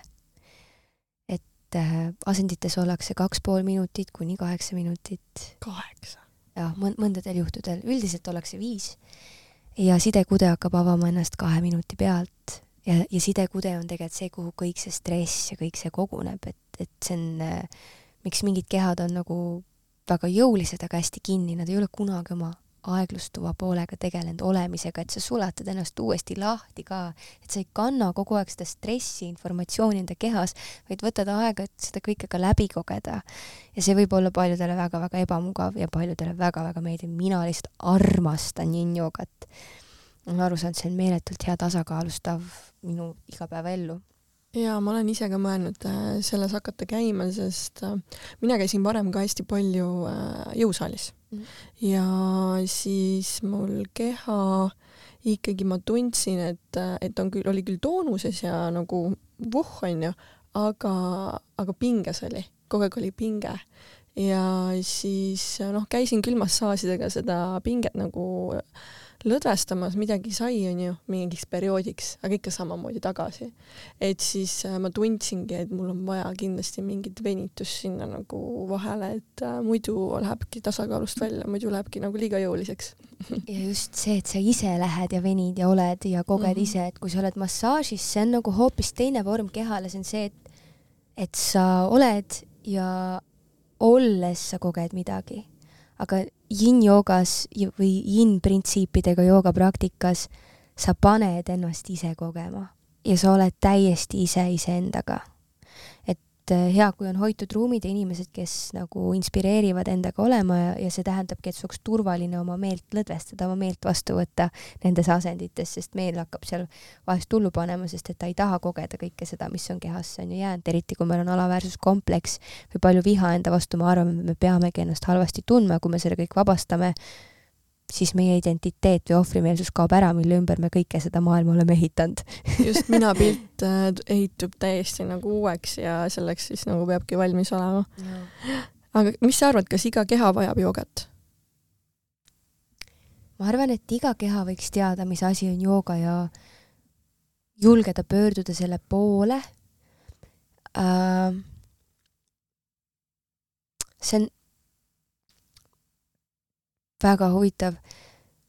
tegelikult ma ei, ma arvan, et iga keha ei vaja jah mm -hmm., eriti need kehad, mis ei ole valmis. -hmm. aga, aga jooga on kindlasti asi, mida iga keha võiks proovida, et see vaja, vajamine on nagu, ükski keha ei vaja aga see on väga hea asi, mida, mida, mida aeg-ajalt enda kehale pakkuda ja ma arvan, et isegi joogat nagu regulaarselt, erinevaid neid seal mängida, kõike regulaarselt, jõudu regulaarselt, jo-, vinyasa joogades ja asjades on väga palju jõustavaid elemente, et ta on ikkagi küllaltki toniseeriv ka aga noh, kindlasti tore on ka teha vahepeal mingi jõusaalikuur, et sa hoiad oma keha nagu kursis erinevate liikumistega, vahepeal lihtsalt käid ja tantsid ennast sassi tantsid ennast vabaks ja, ja. ja vahepeal lihtsalt võtad aega, et olla oma koopaperioodiga ja venida mm. -hmm. ja seda ma pean tegema, sa tuletasid mulle nagu nüüd seda meelde mm. -hmm. jah, jah. aga kui oluline on jooga sinu jaoks täna? et äh, mida jooga sulle täna annab? Ta on vist esimene liikumine, millega ma kohe tunnen, et ah, siin on mu keha. et praegu tema on nagu midagi, see element on miski, millega ma kohe tean, et läbi mis asendite ma saan enda kehas mingeid ühendusi ja ja läbi joogaasendite ma tegelikult ka väga palju töötan enda emotsioonidega. aja jooksul on lihtsalt kogunenud informatsiooni, mida, mis protsessi, mis asend mõjutab, et kui ma tunnen, et mul lähebki maandus ära, ma lähen teen puujuure asendit ja ma teengi seda ja ma tunnengi, kuidas mul tekib see ühendus selle turvatundega, et kehas on tegelikult turvaline olla või kui ma tunnen mul kõhuga mingit teemat, siis ma teen kõhule mingeid asendeid või vahepeal seisan pea peal, venitan puusasi, et ta aitab mul hoida keha kõikide tasanditega ühendust. väga oluline, kui ma nüüd selle peale mõtlen kui ma endaga, endaga nagu tegelen füüsiliselt, siis ikkagi peamiselt läbi jooga, aga palju ka tantsin ja ja ma ütlen intuitiivne liikumine, sest vahest minu joogapraktika on niisugune, et ma kakskümmend minti raputan, siis ma veits aelen, siis ma natuke teen mõned asendid, et noh, jaa, ma tahtsingi küsida, et kuidas sa muidu oma joogatundi nii-öelda struktureerid, et äh, kas sa paned seda kuidagi kogu kogemuse pinnalt üles ehitad või, või kuidas see on sul niimoodi kujunenud välja, kuidas sa selle teed?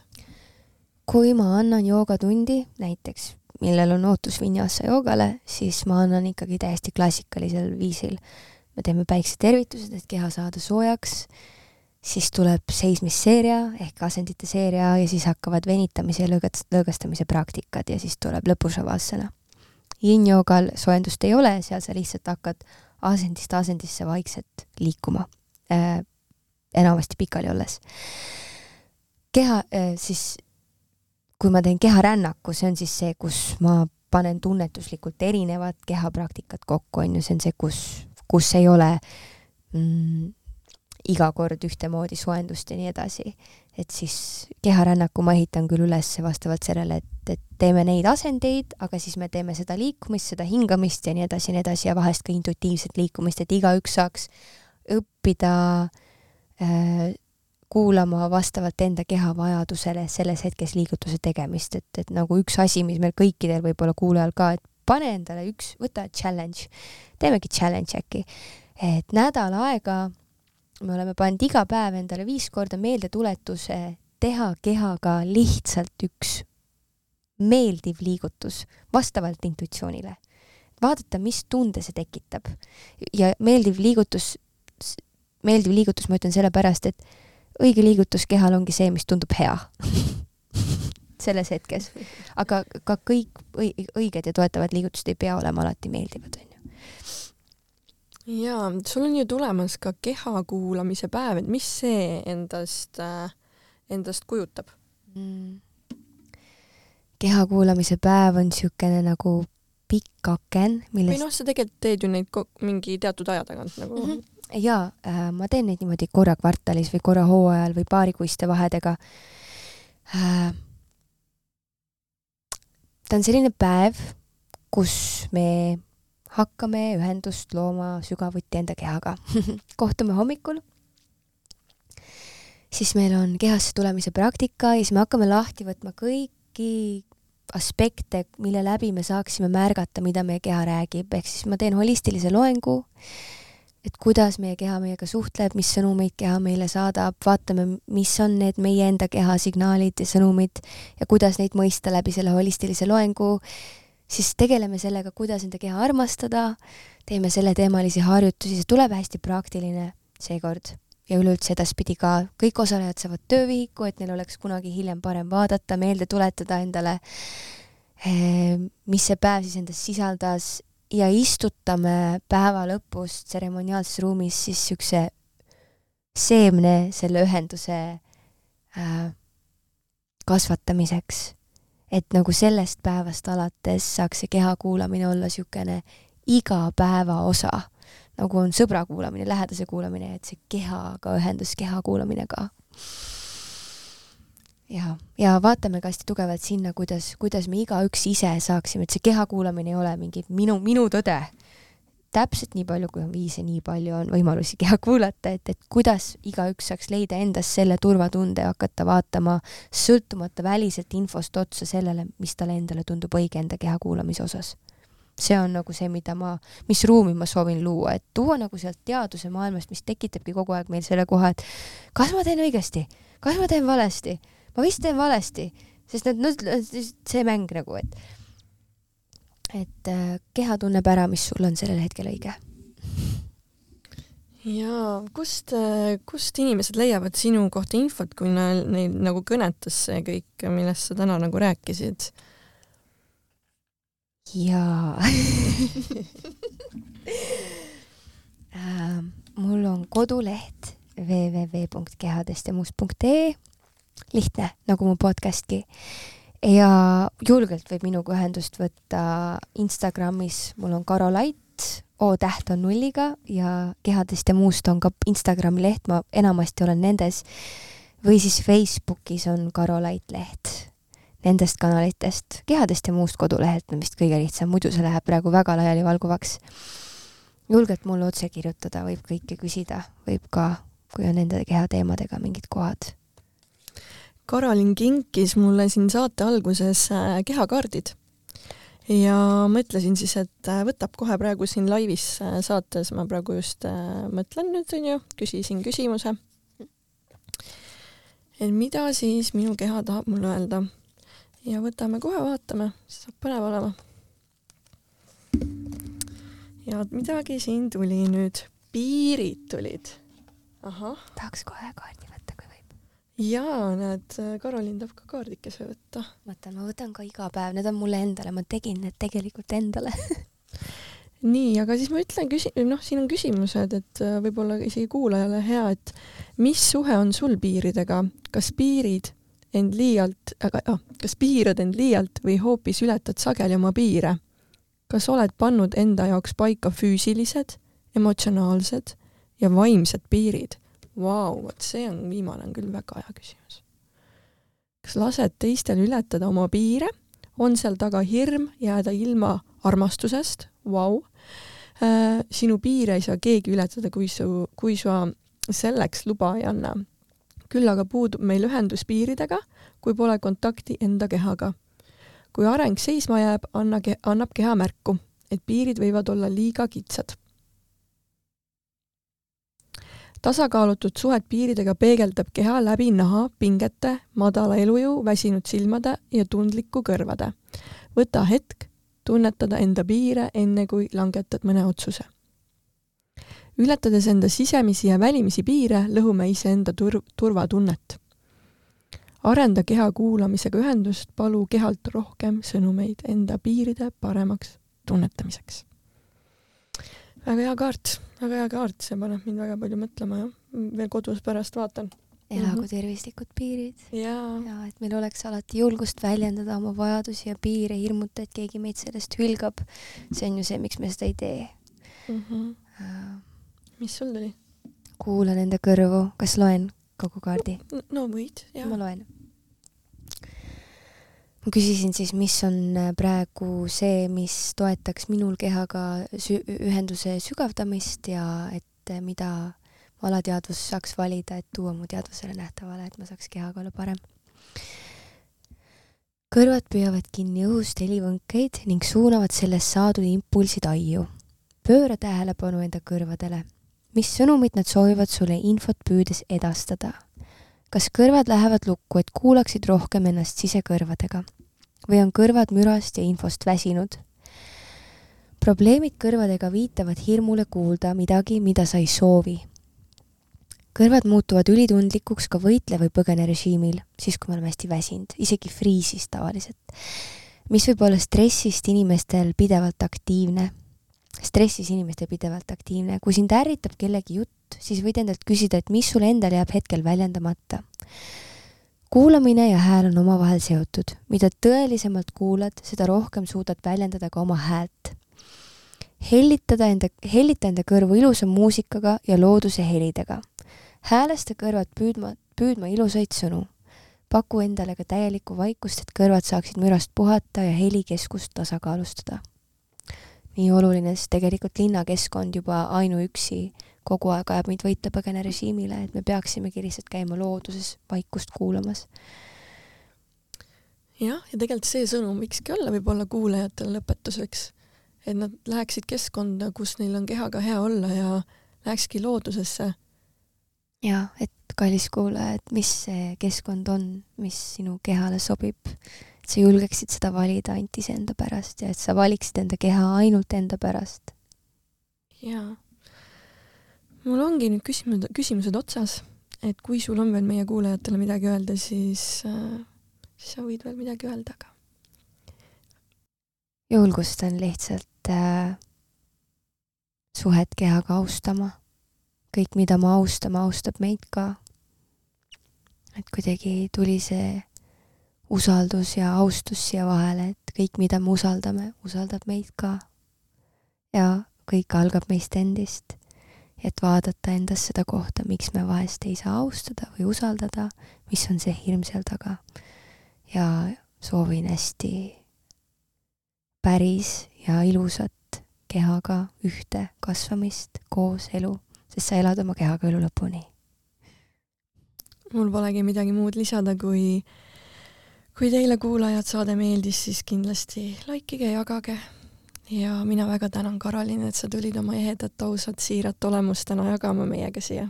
aitäh, et sa kutsusid mind, see oli rõõm ja lust ja nii vinge, et äh, ma arvan, et väga paljud saavad siit midagi enda jaoks, et oma kehaga rohkem kontaktis olla.